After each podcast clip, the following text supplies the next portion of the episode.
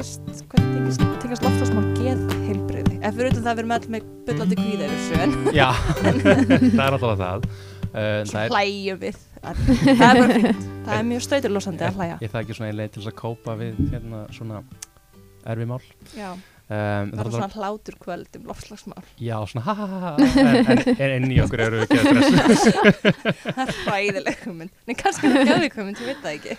Uh, en það er alltaf mjög margar hliðar á því Já. til dæmis bara eins og þau hérna, talið um hvað börn eru með mikið kvíða yfir því að þurfa að eiga svo mikið að drastli sem er náttúrulega krefst rosalega mikið af hérna, náttúruheilundum Mm uh, svo náttúrulega líka bara vitum við að bara okkar heilbrið við höfuð krefst þess að hafa aðganga að náttúru Mhm. við ef við erum lokuðin í herbyrgi förum aldrei út og sjáum aldrei náttúru og, og erum alltaf í bara einhverju mengun og háa það þá er það augljóslega hefur það mjög neikvæð áhrif á okkur Mm. og, og líka kannski bara þessi svona tengingu við náttúruna almennt Mhm. að vita það að við séum að rústinni það eitt og sér held ég að Já. um, Neikvæð áhrif á geðhelsuna, mögulega. hugsanlega, það Mm. fær okkur til að uh, hlæja með svona stresslátur eitthvað uh, og setti kannski svona þetta eru tvö góð, mjög góð dæmi um hvernig umhverfismálinu og öll þessi svona uh, ef við notum kannski heimsmarkmið saminu þjóðana sem myndlingingu og Heimsmarkmiðin sem eru þá, Já, hérna það eru þessi 17 heimsmarkmið sem eru svona að hafa ekki, ekkert hungur, engin fátækt, uh, störf, uh, vaskæði, allir hafa aðganga tryggjavatni og svo framvegis. mm Þessi svona markmið sem að ríki heims hérna, komið sér saman um að væri nú svona lámark fyrir allan heiminn já, og því meira sem maður kafar í þetta því betur séð maður alltaf að öll þessi máli tengja svo mikið innbyrðis Mhm. að það er rauninni bara vitleisa að það sé eitthvað þeirra sem tengist ekki öllum hinn já, og, svo kannski, jafnvægi í öllum hlutum, er það ekki bara? jú, og það Mhm. er kannski góða við svona viðbyrði til dæmis það sem fyrir nánar út í til dæmis tvö eða fleiri viðfórsefni þá fáum við kannski meira svona hvernig við getum hanna samfélagið og, og borgarlandi og svo framvegis Mm til þess að hérna, samþætta þessi svona Geðheilbriði, náttúruvernd og, og alla þessa góðu, já, alla góðu Mhm. hlutina. Að því að við erum búin að komast að því að það er rosalega erfitt að reyna að gera þetta í sikur lagi. Mm og það augljóslega bara virkar ekki. Og það er kannski ekkert besta nýtingin á okkar svona, tíma og orku og, og fjármennum að reyna að takla allt í hvort lagi. Nei, og það er augljóslega hljóma líka bara rosalega vel að finna bara eitthvað svona heldalaust Mm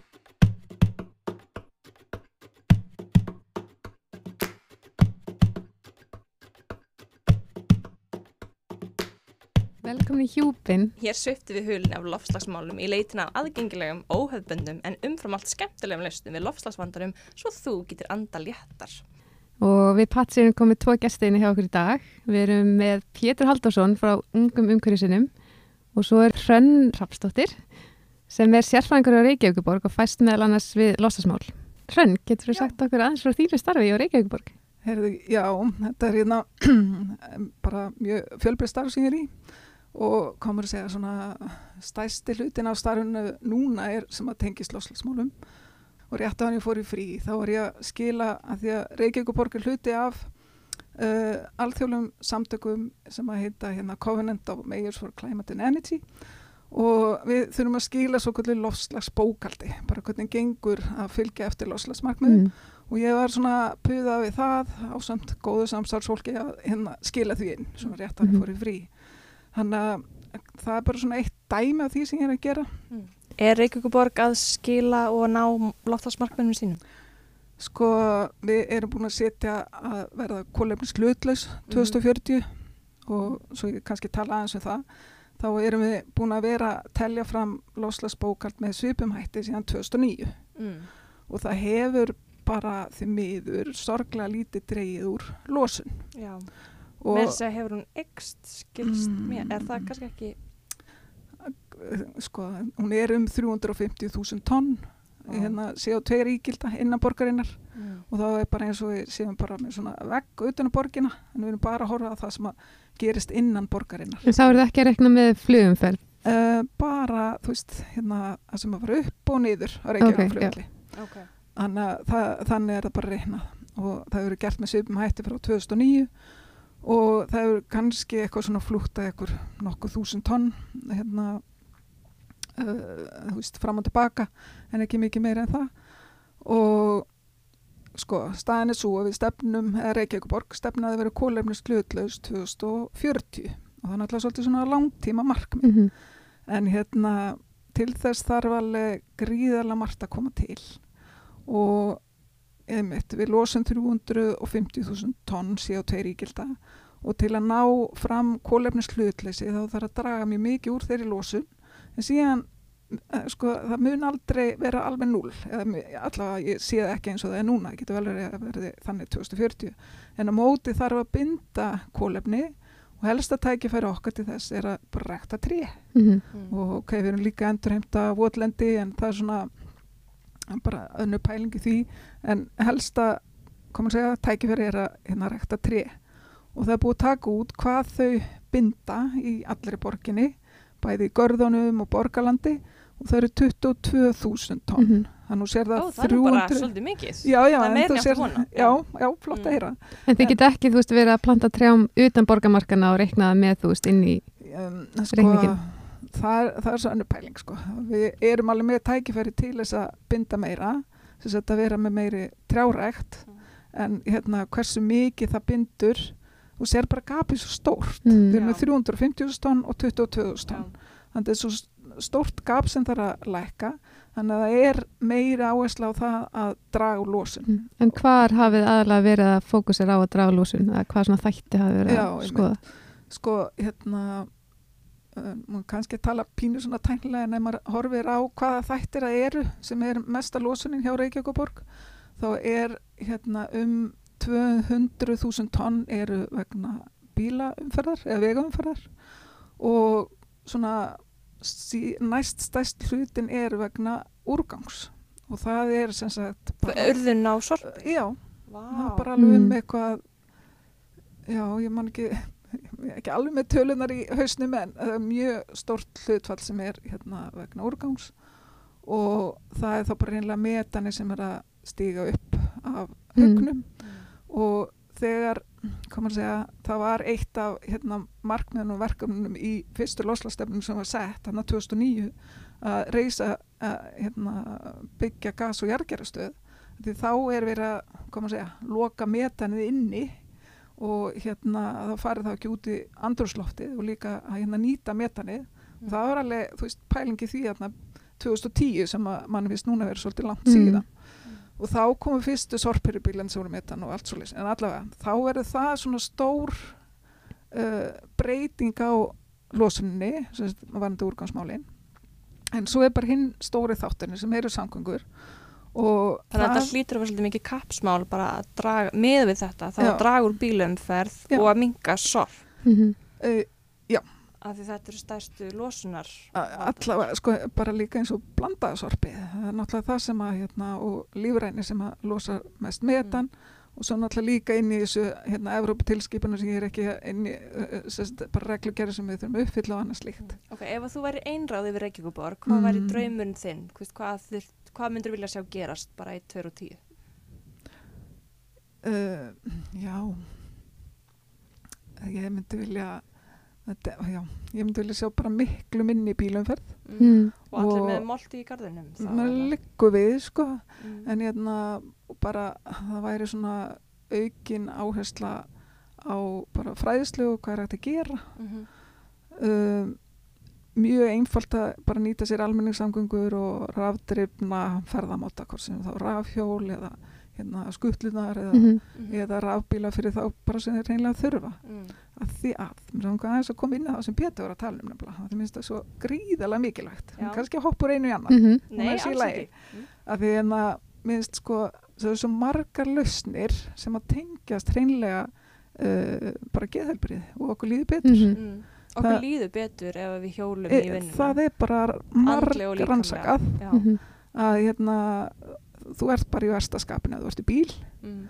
og hérna það líka þú erður fyrir mestir mengun ef þú Mhm. ert í bílnum Mm. Og mesta áreitinu, bara Já, því að fólk já, er svo bara- pyrrað í umferðinni Já, og bara, nákvæmlega. ef það svína fyrir þig að flauta Mm. á þig, það bara getur eigðilagt, kannski ekki alveg daginn en svona hluta morgunum allavega. Líka það sem ég býð, það er mikið hjólaborg og þau eru helst að selja þetta út frá svona líðhelsu svona kvötum, eða þú veist hilsu og svona, þú veist, það sé líka bara skemmtilega að hjóla, það er ekkit endilega þessi alltaf að tala um umhverfistenginguna. Nei, nei, Mhm. alls ekki. Að þið, sko, svona líka uppbygginga á grænusvæðum, hann alltaf bara aukin hérna binding kólefnis og hérna rannsóknar líka sínt hvað er gríðarlega mikilvægt að hafa eitthvað tengsli náttúruna. Þóttu sérst í borg, það eru það eru bara mikil ásókn í að búa á þéttbíli svæðum bara almennt í heiminum. Hann við hérna, koma að segja, hann draumurinn minn væri svona, það væri langflesti bara gangandi og hjólandi og væri með græn, bara græna götur Mm. væri svona eh, væri með sjálfbæra borga Mm þú veist, En hvaða hindranir eru helst að standa þessu í vegi? það er þetta er einmitt, þetta er bara svo rosalega mikið langklaup við erum með struktúr sem var uh, ákveðin fyrir löngu síðan nú er ég að tala um skipla á borgarinnar Mhm. og það var hérna það var bara mesta tækn undri þegar hérna mann ekki alveg hvað, þú veist, þetta er bara kringu 1970 þá var sett aðalskipulag og áherslanlega það að fólk ætti að geta að ferðast hratt á milli heimilis Já. og vinnu Mm. og Svona það sitja svona umferðar já, algjörlega og hérna væri þá bíl og allir ættu bíl og það væri heiðislegt að hérna keira bara rætt milli staða og allt gatna kerfi var byggt út úr því Mhm. og líka þessi hérna útkverfi sem er síðan mjög erfitt að þjónusta þú veist, mm Mhm. -hmm. almenningssangungur og Já. slíkt Mhm. þannig að þú veist, við erum með heilu hverfin sem var byggð alveg fyrir mörgum mánu síðan Mhm. og það er voðalega erfitt að uh, breyta þannig Mhm. flytur ekki hverfi komur að segja Já, þú þarfst Að að gera hvert eitt hverfi sjálfbærir heldur en það er Já, einmitt, og við erum svolítið með bara, hér er A, íbúðakverfi Já. og alveg á hinum endurum eru B, svona atvinnu og, og svona yðnaðarkverfi og við þurfum bara að búið til æð þarna á milli. Það er Já. svona gamla hugsunin á borgarskipulagi. Já, því þetta er náttúrulega, sko, þetta er alltaf samspil þessara, hérna, hvað maður segja, þetta er samfélagi vant þessu skipulagi, þessi Já. bílaskipulag Mm -hmm. og hérna, segja, ef við horfum á sjálfbara þróun þá er samfélagslega hlutinu bara svo mikilvægur, við þurfum að hafa fólk með okkur í alla breytingar. Mhm. og þá gengur þetta náttúrulega líka bara, hérna, svolítið hægt, það er ekki hægt að vera einhver innráður og segja bara all bílum fyrir sér bönnuð, þú bara hugsaði aðeins hvað myndi gerast á morgun, þú veist, Mm. það er bara hérna eiginlega bara pínu út í hatt sko. Og það er þessi svona segja, langtíma markmið að breyta ferðavennum og það er það sem að kemur fram í aðalskipulagi Reykjavík frá 2014 Mhm. að það er bara rauði þráðurinn er á það að auka hlutild hérna gangandi og hjólandi og hérna og á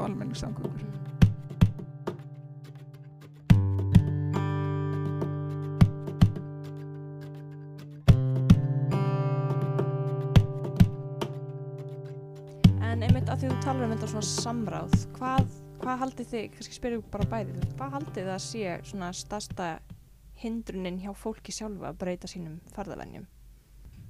Ég myndi náttúrulega kannski fyrir utan svona praktíska atrið eins og tíma og eitthvað svoleiðist þá held ég að upplifunin sérunni aðal þröskuldurinn.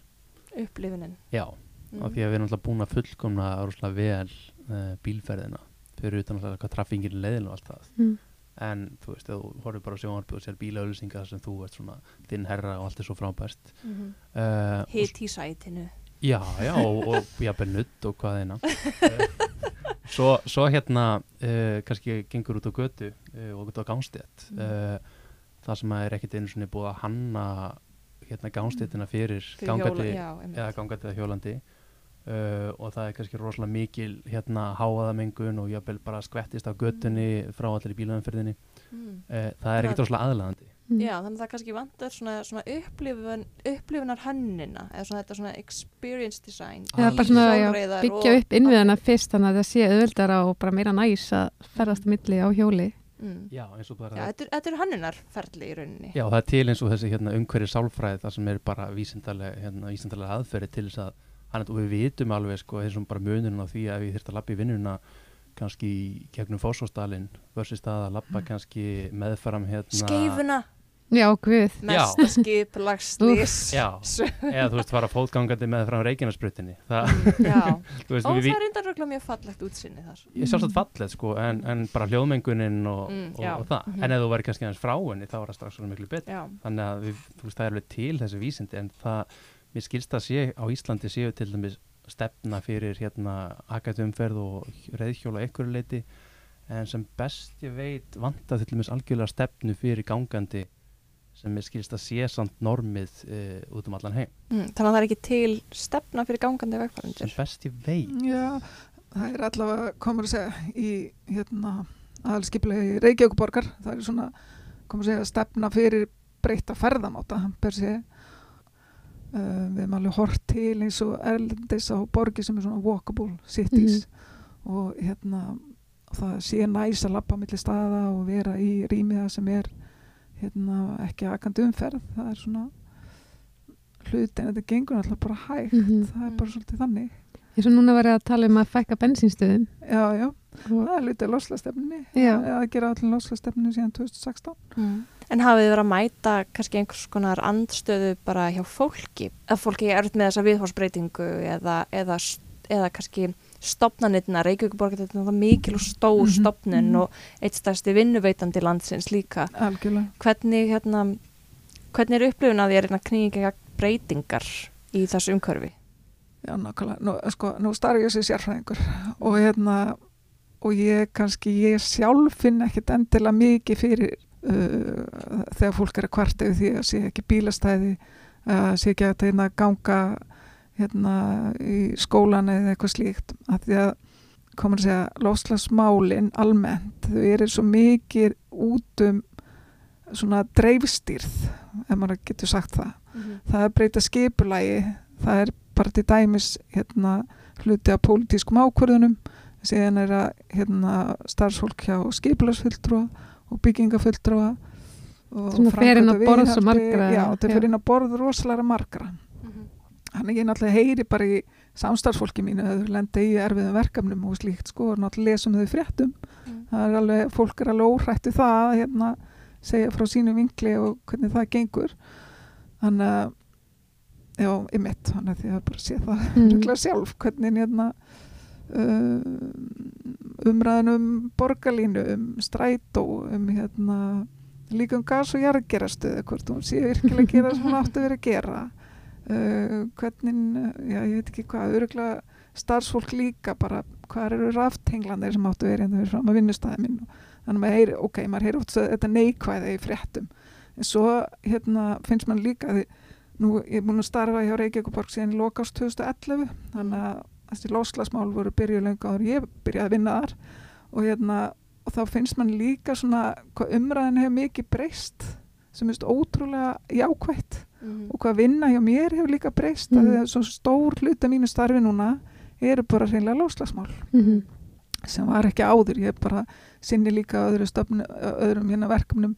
Sem tengist bara gæðikerfin okkar sviði, veist, þetta er svona bara, bara kannski típisku svona íslensku starfsmæður sem þarf að hérna vita margt og gera margt þannig sem að síni kannski smá að þú veist umræðin þarf að aukast svo mikið í samfélaginu þannig að þú veist það verður til meiri Já, kannski, þrýstingur. Og þú veist og Já. þú getur kannski kannski þessu líka meira. sko, já, já, en kannski líka bara alþjóða vettvangi það sem breyttist með Parísafundunum 2015 það var að þá vildu hérna, alþjóða samfélagi og saminuð þjóðunar taka inn í hérna, kalla non-state actors sem sagt ekki ríki, ekki bara ríki heldur frjálfsfélagsamtök Mhm. borgir Mm. og fyrirtæki því þú veist þau sáu það að ríki er alltaf svo einhvern svona segja, svona reglífa leveli og Mhm. alveg bara hafa ákveðin tæki og tól það er bara alveg þannig En, En- kannski ekki endil alltaf réttækin á tólinn sem maður vil sjá. Nei, og að eða því að- bara öðruvísi Já, öðruvísi, þurfum eiginlega öll að gera við þurfum Mm. öll bara að vinna að þessu saman En Það er ekki einmitt best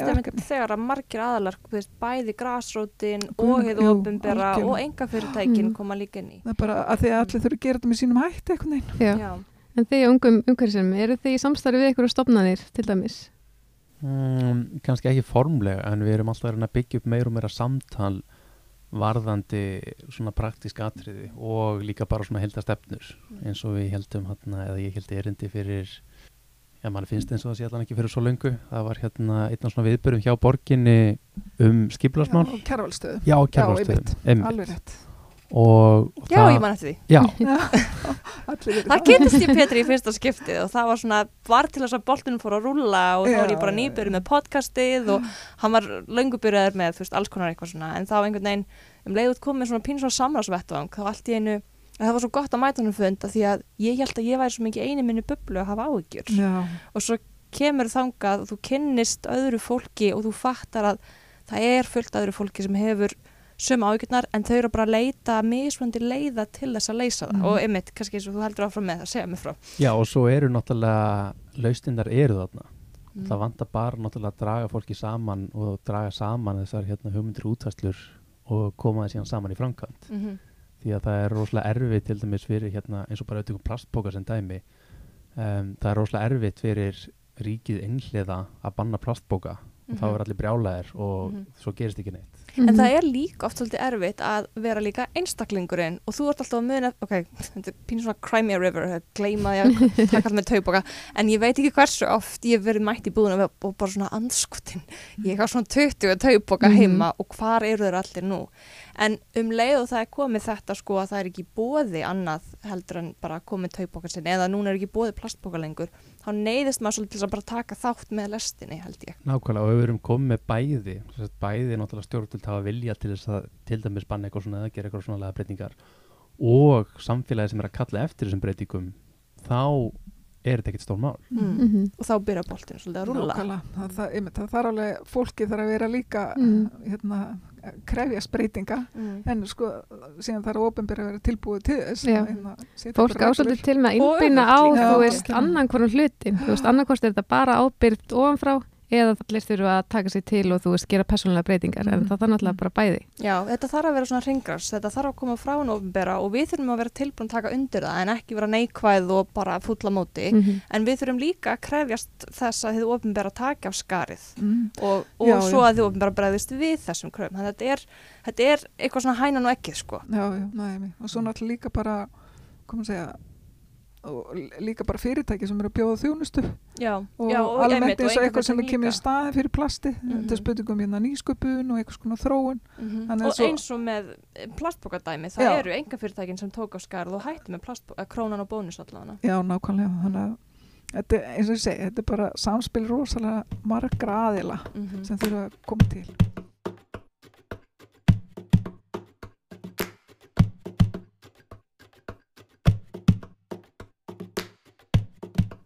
Pétur, þú til í að segja mér, Hrönn kemur úr svona stopnana umhverfinu en þú kemur úr grásrótinni. Getur þú sagt okkur aðeins frá svona umhverfinu sem þú ert að vinna í og, og, hérna, og hvernig, hvernig þið vinnið í að knýja fram breytingar? Já, sko mætti segja það sé nokkuð margþætt en kannski svona við horfum alveg út fyrir okkur sjálf, þá eru til dæmis bara að starfa í þessu alþjóðlega samengi og sem dæmi þá voru við nýlega að stopna þarna, ný alþjóðlega félagastandök við alþjóðlega tengstalegt ungmenna um Norðurslóðir eða Arctic Youth Network. Mm. og svona grunnforsetan fyrir því tengstaneti er að tengja erunni saman loftslagsmál, náttúruvend og mæningarlegt jafnbreytti Mm, mm því að hérna og loftslagsmáluna í dag eru náttúrulega orðin mjög svona skýr fyrir mörgum þó það sé að þetta eiga við þau uh, náttúruvendin við vitum náttúrulega að við viljum hafa náttúruna Mhm. þó að uh, fjölbreytleiki náttúrunar sé kannski ekki það einfallasta uh, en svo sérstaklega þetta með menningarlega jafnbreytið er kannski eitthvað sem að færri hafa íhvað og við bara tökum dæmi þá eru kannski, kannski ungt fólk sem býr í Alaska og hérna ég kynst í gegnum þetta starf voru vinni mínir. Þau eru kannski 17-19 ára gömul og kunni ekki móðumálið sitt vegna þess að fóruldra þeirra þorði ekki að kenna þeim það vegna þess að þau hefur verið tekin í hérna, heimavæstaskóla og bannað að tala móðumálið sitt Mm. Ó, hversu sorglegt. mjög sorglegt og þetta er náttúrulega í rauninni bara það sem að hérna eh, vestur Evropa er búin að vera að gera síðustu hundruður ára, eh, systematist um allan heim sem er náttúrulega Já, Bara annars svona grát bróðslega einhvern veginn En hvernig tengist þetta lofslagsbreytingu með umhverfinu og náttúrunni? já sko í rauninni Fyrir utan að fólkið er, við erum tengt náttúrunni en svona kannski á, Já, sko, þegar maður horfir næra á þetta þá kemst maður að því að það er yfirleitt sömu drifkraftar sem eru að valda báðum vandamálum. Það eru sömu svona, hvað maður að segja, þrýsti hópar sem að Mhm. er að keira áfram, hérna, tök bara þessi dæmi hérna þegar komst upp að stóru oljufyrirtæki voru búin að hérna fela rannsóknir um loftasbreytingar og Mhm. halda þeir lindu bara vegna þess að þeim fannst býna óþægilegt að þurfa að skipta kannski aðeins og breyta í fyrirtækinu uh, og það vil bara þannig til að það eru sömu öll á bakvið þar og hafa til dæmis verið að hérna síðustu hundruður ára í Norður Ameríku að er hann að bæla niður hann að menningarlega fjölbreytileika Já, Mhm. já, og til þess að geta tekið land af frumbyggjónum til þess að nýta það undir Já, með, já. meðal annars til að satta upp olju og, Mm. og margt fleira og, og einmitt það sem gerist fyrir hérna frumbyggja í Norður Ameríku að landinu er bara stólið að þeim og hérna og það er bara systematist reynda eða kerfisbundi reynda að útrýma ekki bara sko ekki vera að taka hann að fá það réttindi heldur líka bara útrýma einhvern veginn svona sjálfsmynd þeirra Mhm. og, og tungumáli eins og bara Mhm. það og, og, og þegar maður fattar þetta og þetta líka kemur í vekk fyrir að ef þau eru upptekið við það að reyna bara að tala í tungumál hvernig þau geta hérna tekið þátt í að hérna leysa sláttáspálin Já. Og líka mitt þegar veist, þau missa réttin til að nýta landi sitt, þú veist, þá tapast þessi þekking sem að þau hafa því að þau náttúrulega þekkja landi best. algjörlega og svo í ofanalag þá er þau jafnvel að verða fyrir verstu afleggingunum af loftsbreytingum Mhm. tökur sem dæmi í bæ sem heitir Sismaref í Alaska um, þau og bara frumbyggja þjóður til dæmis í Alaska hafa sennilega átt sem minnstan þátt í því að valda loftsbreytingum á heimsvísu Já. það er klálega önnur menning sem að liggur þar að baki og við þekkjum hann náttúrulega mjög vel og hérna en þessi bær Sismaref hefur nú þegar tekið þá ákvörðin að þau verða að flytja allan bæinn eitthvert annað að því að hérna út af landrófi frá sjónum að því yfirleitt hefur hafísinn vernda landið við vetur Mhm. en þetta er svona mjúkur sífræra jarðvegur þannig að það eru bóstarlega hús sem að hafa hrunið eða jörðin hefur hrunið síga- undir já. þeim Mm. og mitt sífrærin að mýkjast þannig að þau síga svona til hliðar en þú getur bara að séð myndir af húsi sem eru komin út í hafið vegna þess að landbrótið er svo mikið Mm. uh, og, Og þetta er beinist bara út af natræðin hlínun já, og þarna er einmitt uh, Mm. einn menningarheimur búin að hérna bara hlaupa fram úr sér og, og hérna náttúrulega nýta þetta kraftverk sem var olja og hérna svo er annar heimur, sem er að menningarheimur. tapast. Mm já, og bara gífulega hérna sorgleg og ég var bara heyra í daga hérna það er eitthvað eiríki út í heimi sem er kannski svona 80.000 manna þjóð. Túvalú. Uh, nei, ég man ekki alveg hvað það heitir Ég held að Túvalú væri bara svona stuðmannalag. Ég vissi ekki að það væri Nei, nei alveg, ég vissi ekki að það væri alvöru stað en þetta er alvöru eiga með alvöru fólki sem já, er kannski ekki sama eigin en, en þau, það blasir við sama vandamál. Já, já, og þetta, þetta að þau gæti bara horfið. Eiríki sem geta horfið. Já. Pæli að, þú veist, ef við staðum bara fram í því fyrir að Ísland myndi bara hverfa þetta lofslagsbreytingar. Já, Hvernig væri stemmingin hérna núna, eða þú veist? og, og þetta Eiríki sem að, hérna, ég var að heyra það er búið að gera samning við eitthvað bæ eða borg í Kanada um að fá að flytja alla 80.000 manna þjóðina þangað. Því þeir vita að sko öll eigin þeirra er kannski 2-3 metri við sjáamáli og þau eru búin að gera hennar Þannig saman að þau eru bara búin að gera Já. samning um flóta flótamennsku í framtíðin allar þjóðarinnar, alls landsins eins og við myndum bara öll hverfa af öllu Íslandi Já, Það er eins gott að sé einhver bæri alska tilbúin að taka við okkur Já, nákvæmlega. Já, Var það samt ekkert svo vissum svo sé Reyndar, Já. já. ég held að við þeim ekki að ágjöra Ísland út af þessu. Nei, ekki- ekki viss hér svæði í endilega. Reykjavík sem gætu lent undir Mm, en þetta er svona dæmi um hvernig um, já, já, gjörðir eins hóps og einna menningar um, hérna, hefur gífuleg áhrif á aðra hópa. Og þess vegna skiptir svo miklu máli að horfa á alla menningarfjölbreytileika heimsins um, og það er náttúrulega sérstaklega við erum að tala um jafnbreytismál og, og allt, allt svoleiðis að við verðum að horfa á þetta saman. Mm, Mér finnst það mjög fallegt innleg svona mjög svona húmanísk svona um, hugsun Já það er líka kannski málið að hérna, þegar maður horfir þetta á, á þetta allt svona saman þá allt í hennu fyrir maður að sjá að það eru lausnir mm. þetta er ekki jafn erfitt ef maður hefur í rauninni þetta svona viðhorfið að sjónarhótt Hvaða lausnir, ef ég bara spyr ykkur bæði hvaða lausnir myndi þið vilja sjá? Kannski Pétur, þá þú byrjar heimsvísu eða hérna heima eða Byrjum kannski bara eina heima. mm.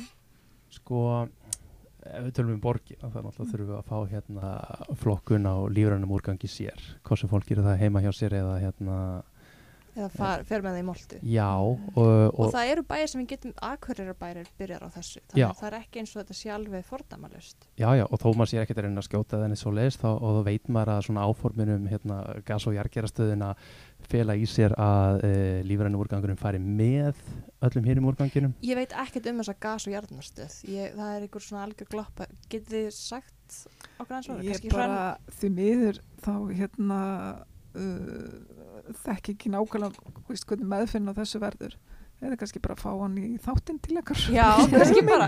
Þetta er ókostur við það maður hérna, þekki mjög margt en mjög grund Mm. þannig ég hef ekki fylgst með nákvæmlega hvernig hérna meðallin verður en það sem ég hugsa út frá lofslagsvinklinum það er að hérna, einmitt, metani sé tekið úr það er svona, Mm. Mhm. Já, og það er svo smáli kostir við að hafa svona stöð og búnað uh, en svona í dag sínist manni gert ráð fyrir því að þau ætli ekki að taka móti lífrinu sér og hafa það með almenna úrganginum. Og samt ætlaðu að sem sagt, hérna, búið til moltu eða svona ábörð úr þessu eða eitthvað svona gas- og jarðgerastöðu kallaðu það mitt en ef þú aðskilur hérna, lífrana ekki frá almenna í flokkurinni þá myndu fá hérna, moltu sem er ónótæf Já. og bara ólöglegt að nýta Mm. eins og í Mhm. Mhm, Af því það Eh, gæti verið einhver eiturefni og já, þungmálmar, örplast. Mhm. hvað eina uh, þannig að það að breyta því aðeins, það væri mikið tækifæri Mhm. Já. En með þarna aðgerðaðallin Reykjavíkuborgar í lofstafsmálum, já, hvernig vinnið þið hana? Veist, er það teimi sem að sér um hana? sko, hérna hún var sett 2016 og á þeim tíma þá var það uh, stýrihópur sem var samansettur af oddvitum allra flokka og hérna borgastjóru og formaður þannig að já, aðgerðallin var sett saman af þessum hópi á þessum tíma en líka sagt hún gildi til ásins 2020 þannig að það er nú hérna bara vonandi vona því að hún veri endurskoðuð Mhm. allavega Er það svo búið að vera þitt verkefni að fylgja henni svolítið eftir það? Já, allavega upplýsa pólitíkinu, hérna, koma að segja að upplýsa uh, hvernig verkefni standa. En uh, verið er ekki mitt verkefni mm. sko, all svona stefnumarkunin og eftirfylgni með, með því er hjá pólitíkinni. Mm -hmm. og ég veit það alveg að þau að mínum að það hafi bara verið mjög dugleg við það. Og eins og þau kannski bara séð í fréttum varandi hérna bensinstöðunar það er bara ákveðin breyting þar og hérna og það er unnið áfram eins og bara einlega hérna, almenningssamgöngur og borgarlínu og það er náttúrulega ekki á mínum borði Mhm. þú veist, það er alveg pólitísk stefnumorkun og Mhm. það er að vinna því með hérna, sveitafélum á höfuborgarsæðinu bara sem dæmi við mynd gas og jargerastöðin veist, það er alveg, það er bara svona pólitíska eftirfylgni þá inn í sorpu þannig að þetta er alveg fjölþætt verkefni þóttu ég taki saman þetta blessaða loslasbókald sem er Já. alveg lærdómsríkt Mhm. og þá sér maður svolítið hvað verkefni standa og, og hvað er hérna hvernig gengur að já, eða hvað hægt gengur að draga úr losun þá hérna þannig að þannig kem ég að því þú veist og sé alveg mörg verkefni þannig Já, en þú nefndir sérstaklega fræðslu þegar við vorum Mhm. að tala um lausnir. Já. Ég er að velta fyrir mér, ætla að séu einhvers konar, eða kannski spyr ykkur bæði, bara um, sjáu þið fyrir ykkur að það sé einhvers konar tækifæri til samráðs eða samstafs með grásrótinni annars vegar og Reykjavíkuborg og, og svona ofnbjörnstofnum hins vegar að vinna saman að svona fræðslu verkefnum. Er það ekki kannski eitthvað sem er einmitt best gert samanheldur í sitt hverju lægi? það er náttúrulega eitt verkefni mjög stórt verkefni sem að er einmitt að því nú þegar Ó, spennandi. Og- Við erum svo að hafa verið að býða eftir að koma þessar bombu og fyrst að heyra þessu núna. Endilega, ok, segðu Já, mér frá og, því. og það kallast náttúrulega skólar á grætingrein eða, það sem- Skólar og græti grein. eða það sem fólk þekkir sem grænfánaverkefnið Sem ég starfa við í sumar. Já, einmitt Mm og, og það eru held ég helmingur skóla landsins ef við horfum á allt fara á leikskóla upp í háskólastig Mm. uh, nú þegar þáttenguður í þessu verkefni og svona í stuttu máli Er þetta skólar á vegum Reykjavíkuborgar eða bara allir skólar á höfuborgarsvæðinu, bara bæði og Ok. ég veit að það eru margir skólar í, í, á vegum Reykjavíkuborgar í verkefninu Mm. og, og þá í rauninni þegar þau taka þátt þá fá þau bara svona ákveðin svona checklista um hvað þau að gera og hvernig og svona Mm. og þú veist, þá eru þau náttúrulega er sett á fót hérna umhverjastend bæði starfsmanna og nefnda Mm. Og í rauninni næra það kannski miklu meira út fyrir einstaka tíma heldur allur skólinn fyrir að vinna samstilt að umhverjasmálum þau fara hérna að vikta matalefanir í mötunitinu þau fara og, og í rauninni þau fá hann á hérna tækjara fresti fánan og, Mm. og flaggunum við svona mjög skemmtilega við þau um, og þurfa síðan alltaf að ganga lengra Þú veist, það, það er ekki bara nóg að í fyrsta skipti Mhm. setja flokkunarkerfi og, og svo bara flokka í Hel- já, 50 heldur ár á- Já. Heldur eru þau alltaf að ganga lengra og lengra og þá er rauninni samfélag skólans að þróast mm. Þetta er kannski aðeins öðruvísi í vinnuskólan þar sem ég er, þarna að því að við erum alltaf bara yfir sumarið og við erum með þrjú tímabil, þannig að við skiptum út nefndum. En alltaf hluta af þessu er að ég, þú veist, og þrýr aðrir erum með umhverfisfræðslu sem við förum í hvern hóp. Og Þannig að þetta er líka hjá vinnuskólinn, þetta er ekki bara skólinn, þetta er líka vinnuskólinn. Já, vinnuskólinn er líka með grænfannan Mhm. og við mitt þurfum að setja metnaði fyllir í markmiða hverju ári og framfylgja þeim. En ég var einmitt með fræðslu í dag og fekk svo skemmtilegt komment frá henni stelpu. Hún var eitthvað, en okkur er ekki með svona fræðslu bara fyrir fullana. Mér finnst eiginlega að þau þurfa miklu á þessu að halda, það er miklu meira á þessu að halda en við. Ó, mér það svo frábær punktur að því ég er svo ofta að hugsa bara við erum svo mikið alltaf að fara inn í skólana og fræða krakkana og krakkana og, þú veist, Mhm. og þau að bjarga þessu og laga þessu en það verður bara of seint þegar Mhm. krakkarnir komast til valda þannig að mér Já, þú veist, eða, eða svona ekki kasta pæðum heldur svona við erum að við erum ekki að, að svona stýra orkunni Mhm. eða fræðslunni eða, Mhm. eða Hún var líka bara eitthvað, þann það er alltaf verið að tala við mig um þetta og fóreldrar mín er bara stikk frí. Já, Já. nákvæmlega og fóreldrin er ekki verið stikk frí. Þannig að hvað er fóreldrafræðslan? Mm og það er kannski eins og bara ef við tökum svona hleiðstæðu grænfáraverkefninsins fyrir til dæmis ríkistofnanir þá er Mm. til svo kvöldið hérna grænskrifi ríkisækstri og ætla þessi ekki bara hérna eins og stofnanir hjá borginni eða hvort það er borginni held, ég veit það ekki Mhm. ég held, held ég sé öruglega bara þáttekendur í því Mm. um, ég veit ekki hvernig er það með svona almenna markaðan eða atvinnulífið Mm. hvort það sé til sambærilegt uh, hvað maður að segja svona prógram sem myndir að skrá fyrirtækið í Mm. en það er klálega mjög gaglegt þegar vinnustæðurinn þar sem að náttúrulega meðan bönnin í skólunum þá er fólkdurinn yfirleitt á einhverjum vinnustæð Mhm. að, að þar sé þessi menning implementur líka. Mhm. En það getur bara verið algjörlega misjamt eftir vinnustöðum hvort að, einmitt, og líka hvort að vinnustöðin eru opinberið eða ekki. En ég, ég vennu að bara aðeins að kommentera þetta líka. Að, hérna, að því mitt, sko, þetta er gríðilega mikilvægt með krakkana og skóla og hérna, ég veit að eins og skóla og frístundasviði líka hjá Reykjavíkuborg Mm þau hafa verið að hérna, nýta sér þættina hvað höfum við gert Mhm. í kennslu og eru svona að fara að stað með vinnu kringu það. Uh, en annars sem að var svona í kringum Parísafundin 2015 það var að fyrirtækjum var búið að taka þátt í loslagsyfirlýsingu þá vorum við í samstarfi við Festu sem er einmitt atvinnu reykenda hérna, svona Já, segja, ekki- fyrirtæki samtökum um hérna, samfélagslega ábyrgð -hmm. Akkurat. og ég man eftir við vorum hérna hugsa, já, við erum mjög káta við erum svona tíu fyrirtæki sem taka þátt en það voru rúmlega hundra fyrirtæki sem að rita undir þessa yfirlýsingu og einmitt hluta mínu starfi er líka að vera svona hérna að fylgi því eftir náttúrulega á samt góð samstarfsfólki. En það sem var svo merkilegt að síðan var árið 2016 þá voru haldni fundir og kynningafundir sem er kannski öðruvísi fræðisla, þetta er svona fullönsfræðisla, fara á ráðstefnur og við raukum námskeiðum eitthvað svo leiðis en allavega þá var alltaf og festa vinnur sem sagt, hlutina þannig, halda svona tengslafundi. Ég man ekki Mhm. hvort sé hálfsmánaðilega eða eitthvað svo leiðis og ég var svo sem ekki tengilegur við festu en á hverjum einasta fundi þá var alltaf þörfin að ræða lofslagsmál Já, meðan það er svo Ah. magna og það sem að óks upp úr þessu þessari fyrirtækja grassrót, það var eitthvað svona ákall um að hérna, geta þá uh, verið með eitthvað svona lofslagsbók aldrei haldið utanum sína losun.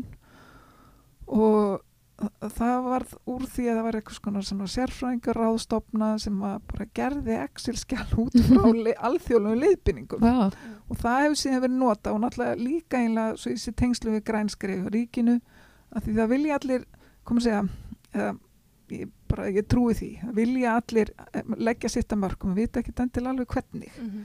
og þarna var eitthvað svona tól sem að var til af þessu samstarfi þessara ég meina ok, þetta voru hundar fyrirtæki en náttúrulega alls ekki öll virk en með þess bara magnað að fylgjast með hvað ákallið var mikið eftir því að vita hvað þau getur gert mm Mm. þannig að einmitt bara enn og aftur þá þurfa kannski bara allir að nálgast þetta svolítið út frá Mm. sínum forsendum -hmm. Þú veist, það er svolítið svona kannski líka búa til vettvang fyrir bara almenna borgar að koma saman og ræða þessi mál Já, og fá hugmyndir. nákvæmlega Ég held að sé nefnilega svolítið að vera til ákall frá almenningi af því að ég held að sé mjög margir sem eru eins og þessi fyrirtæki. Við viljum taka ábyrð á þessu, við viljum gera eitthvað í málinu.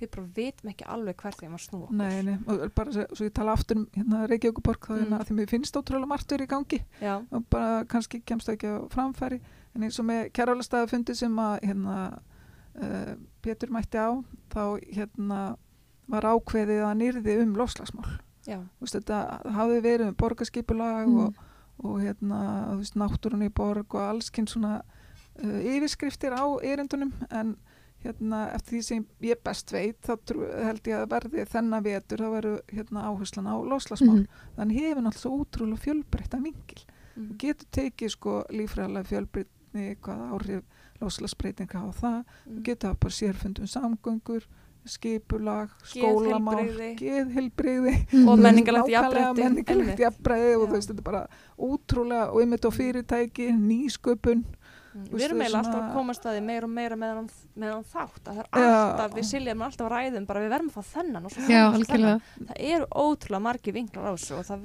þetta er Ótrú, nei, og svo óþreytandi bara eitt í viðbót sem ég komið nú aðeins að hérna, við erum núna Reykjavíkuborg í þriðja skipti af samt hérna Matís Mm. að taka þátt í svo kallu lofslagsmarathoni klæmathon, Ok, hvað er klæmaðan? já nákvæmlega heyrðu, þá er það hérna svona nýsköpuna hakk Nýsköpunar já, og svona þá er í eitt sólarhing mm. þá er bara lögð fyrir ákveðin hérna verkefni eða áskorun. Þetta er reyndir alltaf ennsku Mm. Og hérna auðvöld að finna þetta á netinu því það eru bara hundruði borgar sem taka þátt í þetta líka og fólk út um bara á sama degi Ó, ok. Þannig að þetta er mjög svona alþjóðlega já, nákvæmlega. þannig að þetta er núna 25. oktober það eru föstu dagur já, Það er á fyrstu degi, og kannski gaman að skjóta þið inn að ungir umhverfisnar eru með hérna, held ég orðinir aðalega þessu samstarfi. Er Ok, frábært. frábært.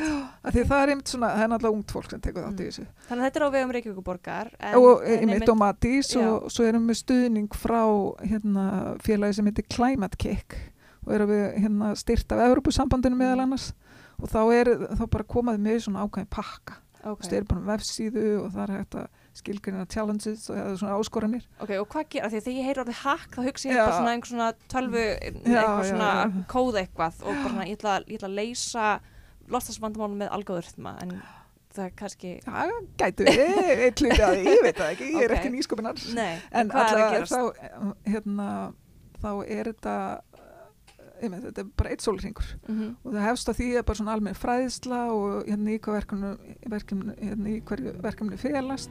Já. og síðan er hérna hópnuskipti lið þar sem þið eru að bara uh, búa til ákveðna lausnir. Ok, og bara sem dæmi þannig þetta er svona, þetta er svona hópa já, já, svolítið. og hérna eru bara alla nóttina wow. og enda það síðan um hérna morgunin að hérna kynna verkefni alveg bara með PowerPoint sjói og wow ok. hérna hvernig á að leysa þau eru sem sagt komið svona svona selja afurðina mm. og hérna það er domnefnd sem mæ, mætir hann stemma eins og var síðast ára lögatasmotni og þá er náttúrulega bara eitt lið sem vinnur en hérna Mm. þá er það bara klárað Mm. innan sólarings Má ég spyrja að hvað leiti ungir umhverfisínar komin í klæmaþannið af því þeir eru aðilar Já, endilega. Sko, náttúrulega, fyrsti vingillin er náttúrulega ef að það er ungt fólk að taka þátt, þá náttúrulega er þetta við svona kannski tökum þátt ég hef ekki aðtekla á þessu. mm. Uh, og svo svona, ef ég skildar rétt og ég er búin að lofa því að vera þarna til, til halds uh, og mæta, uh, þá er fyrir parturinn einmitt fræðsla og svo er þetta aldrei svona að sikta niður hvað þið vilja að takast á við Mm og, og þar myndi ég kannski koma svona aðaleinn að benda á svona ok, jú, þetta hérna Þannig að svona með mína reynslu af svona umhverfismálum og úrsl- úrlausnum Þannig að Eh, þið komið með svona ráðgjöf og svona. Já, en svo verður líka aðeili sem að leiðbernir eins og nánar eftir því sem líður á kvöldið og nóttina um hvernig þið gera viðskipta átlun og hvernig þið koma hugmyndir sinni í framkvæmt. Ok. Þannig að þetta er þá í rauninni í leiðinu líka svona þjálfun í því að fara í nýsköpun. mm, Þannig að þetta er svona mín sraðall svolítið Svona Já, viðskipta já, þetta hraðall eiginlega- Ég Svona- kalla það á Já. íslensku. Jú, svona, svona, já. svona viðskipta hraðall En fyrir lofslagsmál Það er Já, mjög sér mertur alveg loslasmálum Ok. Það En er fyrir 25. oktober, ég verið að tekka Já. Það er 25. föstudagur. oktober Ok, við Já. lögum þetta líka í eddinu Ég- Já, 25. oktober, já En uh, fyrir hverju er þetta? Eru- það, þetta allir er fyrir velkomnir? alla. Það er það allir er allir velkomnin alltaf Ok. bara einmitt þú sért hérna orðin sjálfraða þannig að þú getur verið hann yfir nóttina. Nei, það er útvist tíminn. ég þarf að fara heim. Það er en hérna, já, nákvæmlega. En hérna, er, er reyndin hefur verið svo að þetta er fólk í yngra kantinum. Þannig að hérna, gott að ungur, ungur sinna séu komnir um borð í bátana. Svona að þetta verður pínu svona jafningafræðsla já, að, ég, ég held að þetta sé bara ótrúlega skemmtilegt, ég er náttúrulega verið þarna sjálf og hérna já, þetta er mjög Frábært, mér finnst skemmtilegt það mjög spennandi og Mm. einmitt kannski fyrir þá sem að kannski veit ekki alveg hvað vilja uh, leggja sitt já, mörgum til málefnisins en bara veit kannski ekki alveg hvað er að koma að og já, hafa kannski pínu svona þörf fyrir eitthvað skapandi þá er þetta örugglega Mm. frábært tækifært að koma og, og láta þessu kveða. bara algjörlega fólki til í að hérna, hérna skella einni nótt Já, og líka bara hafa gaman og kynast Já. kannski fólki af svona bæði fjölbreytt fólki en líka kannski einhverju liti fólki að sama miði. Já, og líka 25. oktober. og líka bara til að halda þetta til haga um, því að fólk hugsa sem mismundi hluti þegar það er orðið ungd fólk mm að eins og til dæmis eh, hérna, starfi hjá ungum umhverju sem er svona grólega miða við 15-35 ára Já. eh, Mér finnst gott að ungt er svolítið svona getur verið Mm. relatíft. og, og það, en það er rosalega mikilvægt að allt þetta aldurspil sé að taka þátt Mm. eh, að því að við bæ, það skiptir ekki máli hvort þú er 15 ára eða 30 ára Mm. þetta eru bæði eða 35 ára, þetta eru bæði ungar hérna ungt fólk og Þannig að þið standi fyrir svona ekki bara menningalega fjölbreytni heldur líka svona aldurslega fjölbreytni. Já, að því að sko til dæmis kannski svona ef þú horfir á þetta svona grálega séð kannski út frá svona einföldunum þá er kannski mikil drefkraftur í kannski svona yngsta aldurspilinu en svo er líka kannski 20-30 ára fólk með komum kannski ykkur nám og mentum með mikla reynslu sem nýtir óslega mikið í svona nýsköpun Mm. þannig að þegar þú blanda þessum aldurspilinu saman þá færði svo Það verður sterkar eitthvað blöndu svona, kemistrija kannski. miklu meira Mm. ekki samt, ekki misk, nei, þetta var miskilna hræðilega nátt. nei, guðu góður, ég var ekki, svo lengi sem þið sé átjónar þá já ok, allir 18 ára og sjálfráða og mega vera lengur út í stu tímin. Æj,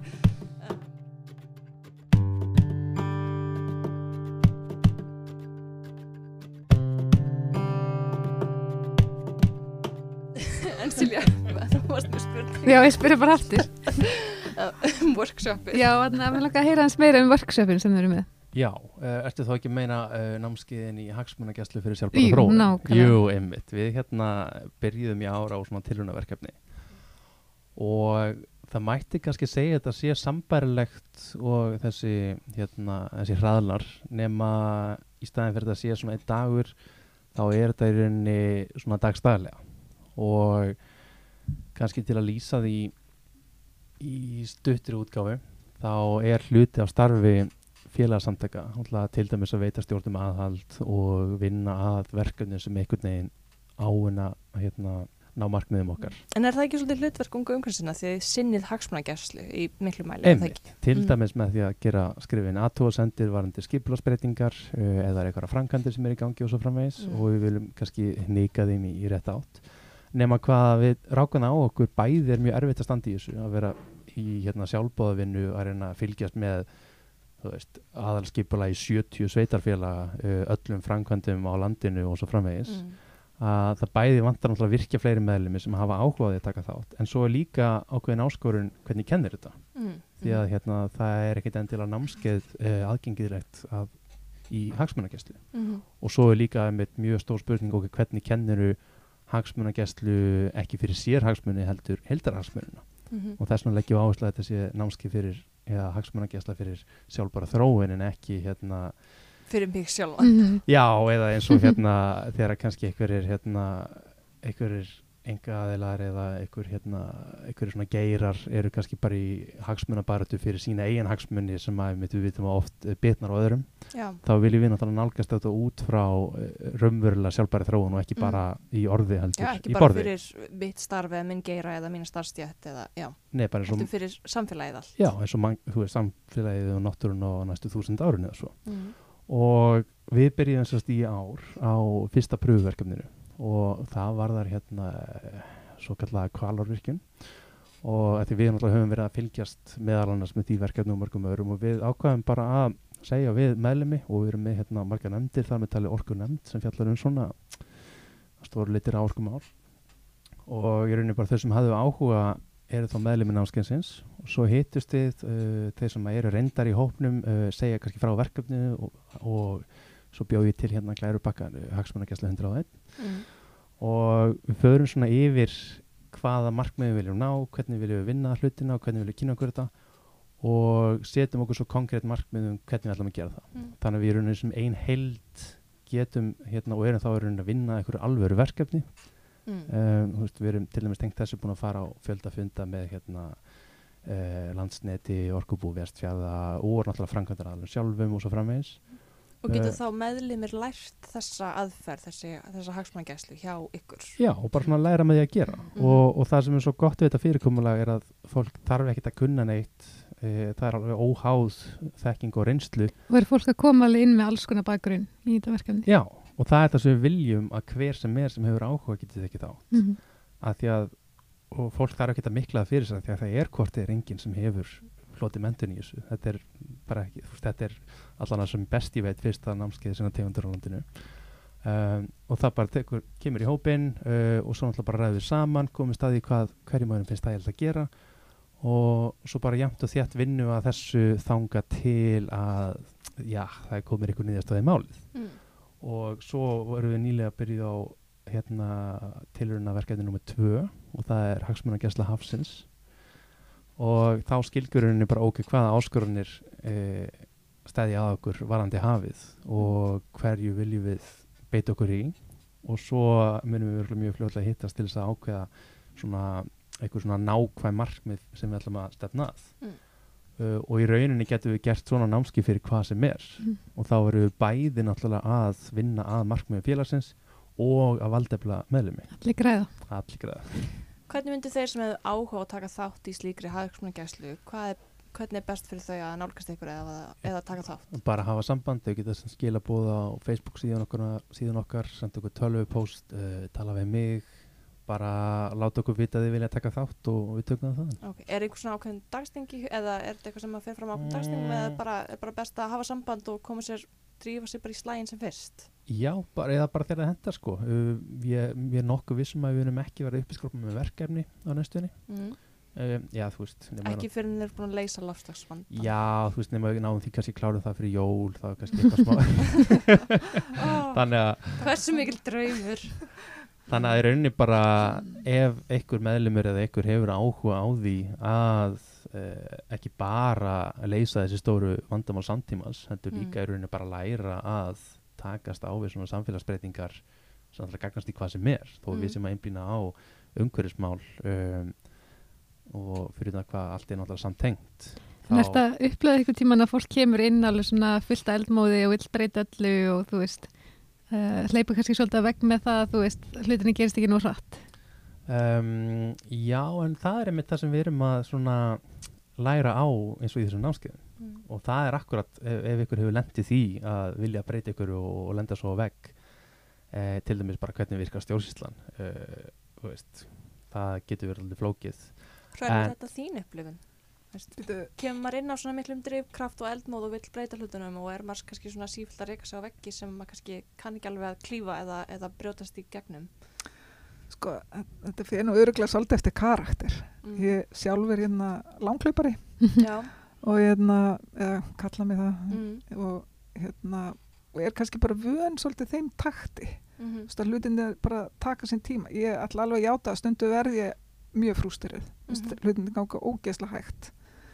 Og hérna, en það, sko, málið það að við erum samfélag Já. og við þurfum að taka líðræðislegar ákvarðanir. Mm. og það er langklaup Og það Al- er langklöp og það líka bara eins og ákveði reglugerðum og lögum, varandi skipularsgerð, það þarf að auglýsi ykkur ákveðna vikur, það þarf andmálrétt og sem betur fer búum við það regluverki. mm. Þú veist það sé ekki bara, bara öllu Hending frjálst að hvenær- bara byggja já. veg hvar sem er og, og reysa tré hvar sem er eða Mhm. hvernig sem það er. mm Þannig að veist, við erum alveg með struktúr sem að hérna bara allavega hefur virkar ákveðinu leiti og það getur verið frústrand að þurfa að vinna innan hans. Mm.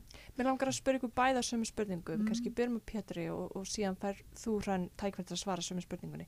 Hvað ráð hafið til fólks sem að vill taka þátt og hefur einmitt reykis á vegg og, mm, svona, og, og er hrættum að missa eldmóðin hvaða, náttúrulega bara fyrsta lagi hafa samband og, og taka þá til dæmis með því að vera í getur valið með því harsmannagæslu hafsins uh, var þetta kvalarvirkjun svo eru náttúrulega með hérna og þið munið kenna fólki meðal annars Já. einhvers konar tækja á tól eða svona eitthvað sem er gott að grípa til ef maður algjörlega og það er bara hluta af Mm, þessu og, og einmitt hérna eins og þegar við erum sérstaklega eins og með hafið það, það er nú ekki, ekki lítið hérna málefni uh, að því við erum að vinna þetta sem teimi mm. og við erum með reynslu innan hópsins þá bara með þessari, hvort maður kalla það ekki jafningafræslu Mm uh, þá mun fólk ekki þurfa að reyka sig á er veggina af því að við vinnum þetta saman Mm. og jú, jú, það getur alltaf tekið tíma en það er allt annað að það getur meiri tíma heldur en að missa móðin Já, áttu að við að þú veist, við erum ekki öll að finna upp hjóli af því við Mm. erum öll að vinna saman þannig að kannski tekur við keflunni þegar að næsta eh, þegar fyrsti mætir fyrstu hindrun eða Já, og, og þetta er með tannig verkefni og, og svo eru hérna þáttangendur með mismunandi bakgrunn og reynslu sem Mhm. nýtir á mismunandi hátt og, og hver veit jafnvel mismunandi tengsl og hvað eina og bakgrunn um, þannig í rauninni er þetta alltaf auðveldara þegar við vinnum það saman Mhm. sérstaklega þegar við svona hvað er fókusum þetta svona sletti fallega Mm. um, Finnst þetta einmitt svolítið svona líkinn öllu bara, maður er svo fljótur að missa eldmóðin einn Mhm. en ef maður vinnur saman það er svona alltaf ákveðið pepp í því Algjörlega. Það er, með svo margt ekki bara loftslagsbreyting, það er bara svo margt í lífinu. Það er svo miklu auðveldara að vinna hlutina og mæta hindrunum þegar maður, þegar maður er með aðra hjá sér. Þá segir ég bara sögur spurning til þín. Hrönn, hvað viltu, hvað ráð viltu gefa fólki svo það missi ekki eldmóðin í, Mm, nákvæmlega. í þessu langklaupi sko, það er náttúrulega alveg frábært að geta bara tekið þátt í allskins félagsamtökum eftir því þú veist, eftir því sem að þú brennur fyrir. Mm -hmm. Mér finnst þetta alltaf mikilvægt að horfa, þú veist, hvað er að því, sko, þetta er svo yfirþyrmandi. Þú getur, og mér finnst það stundu sjálfur líka, það er svo yfirþyrmandi og svo margt sem þú þyrtir að gera og svo ertu að lifa þínu lífi og mæti vinnu og hérna, sinna vinum og fjölskyldu og svona. Þannig að, að kannski bara horfa á raunhæft, hvað getur þú gert í þínu eigin lífi og sumi nærast á því að vera í félagsamtökum, bara Mhm. eins og ungum ungurinsennum eða landönd eða svona fyrirtæki samtökum eins og festu. Mhm. en svo eru bara aðri sem eru kannski bara introvertar og vilja bara svona, koma að segja hug, Mhm. leiða hugan bara svolítið inn á við og inn á sitt heimili. Og þá er það einmitt bara enn og aftur, hvað viltu leggja áherslu á? Viltu vera með molt í garðinum eða henda það þér ekki? Viltu hérna Mhm. breyta samgöngumátum eða þú veist, kannski aðeins að velja Mm, velja þína leið. velja bara þína leið. Mm það er bara mjög mikilvægt til að fólk bara bugist ekki og Mhm. finnst þetta allt vera yfirþyrmynd og það þurfi að gera allt að það Mhm. er ekki, það væri náttúrulega frábært en það er ekki raunhæft Mhm. þú verður aðeins að hérna, mm. vera góður í sjálfa þeim líka Mm. sko. Einmitt. En mér finnst gott að þú bendir á að þú, það er örgulega til leið uh, það er gott að þú bendir á að það er örgulega einhver leið við allra hæfi einhver, að allir geta fundið sína leið og það er ekkert sem segir að ein leið sé endilega réttar og líka hvar þínir styrkleikar eru já, Já. nákvæmlega og einmitt rétt að benda á einmitt þessi félagsamtök og, og fyrirtæki og stopnanir sem að fólk getur leita til og, og sóst í að taka þátt í ef að, ef að það vill ekki vera eitt. eða fara í nám ef að það hendar það er alls konar kúrsar á netinu líka Mm. það er alveg með ólíkindum hvað er margt í bóði á netinu Herru, ég held við ljúkum bara á þessum nótum og þakka ykkur kærlega fyrir komuna. Þetta er búið að vera drjúgur en góður þáttur. Heldur betur. Já, það var fyrir. frábært já, takk fyrir.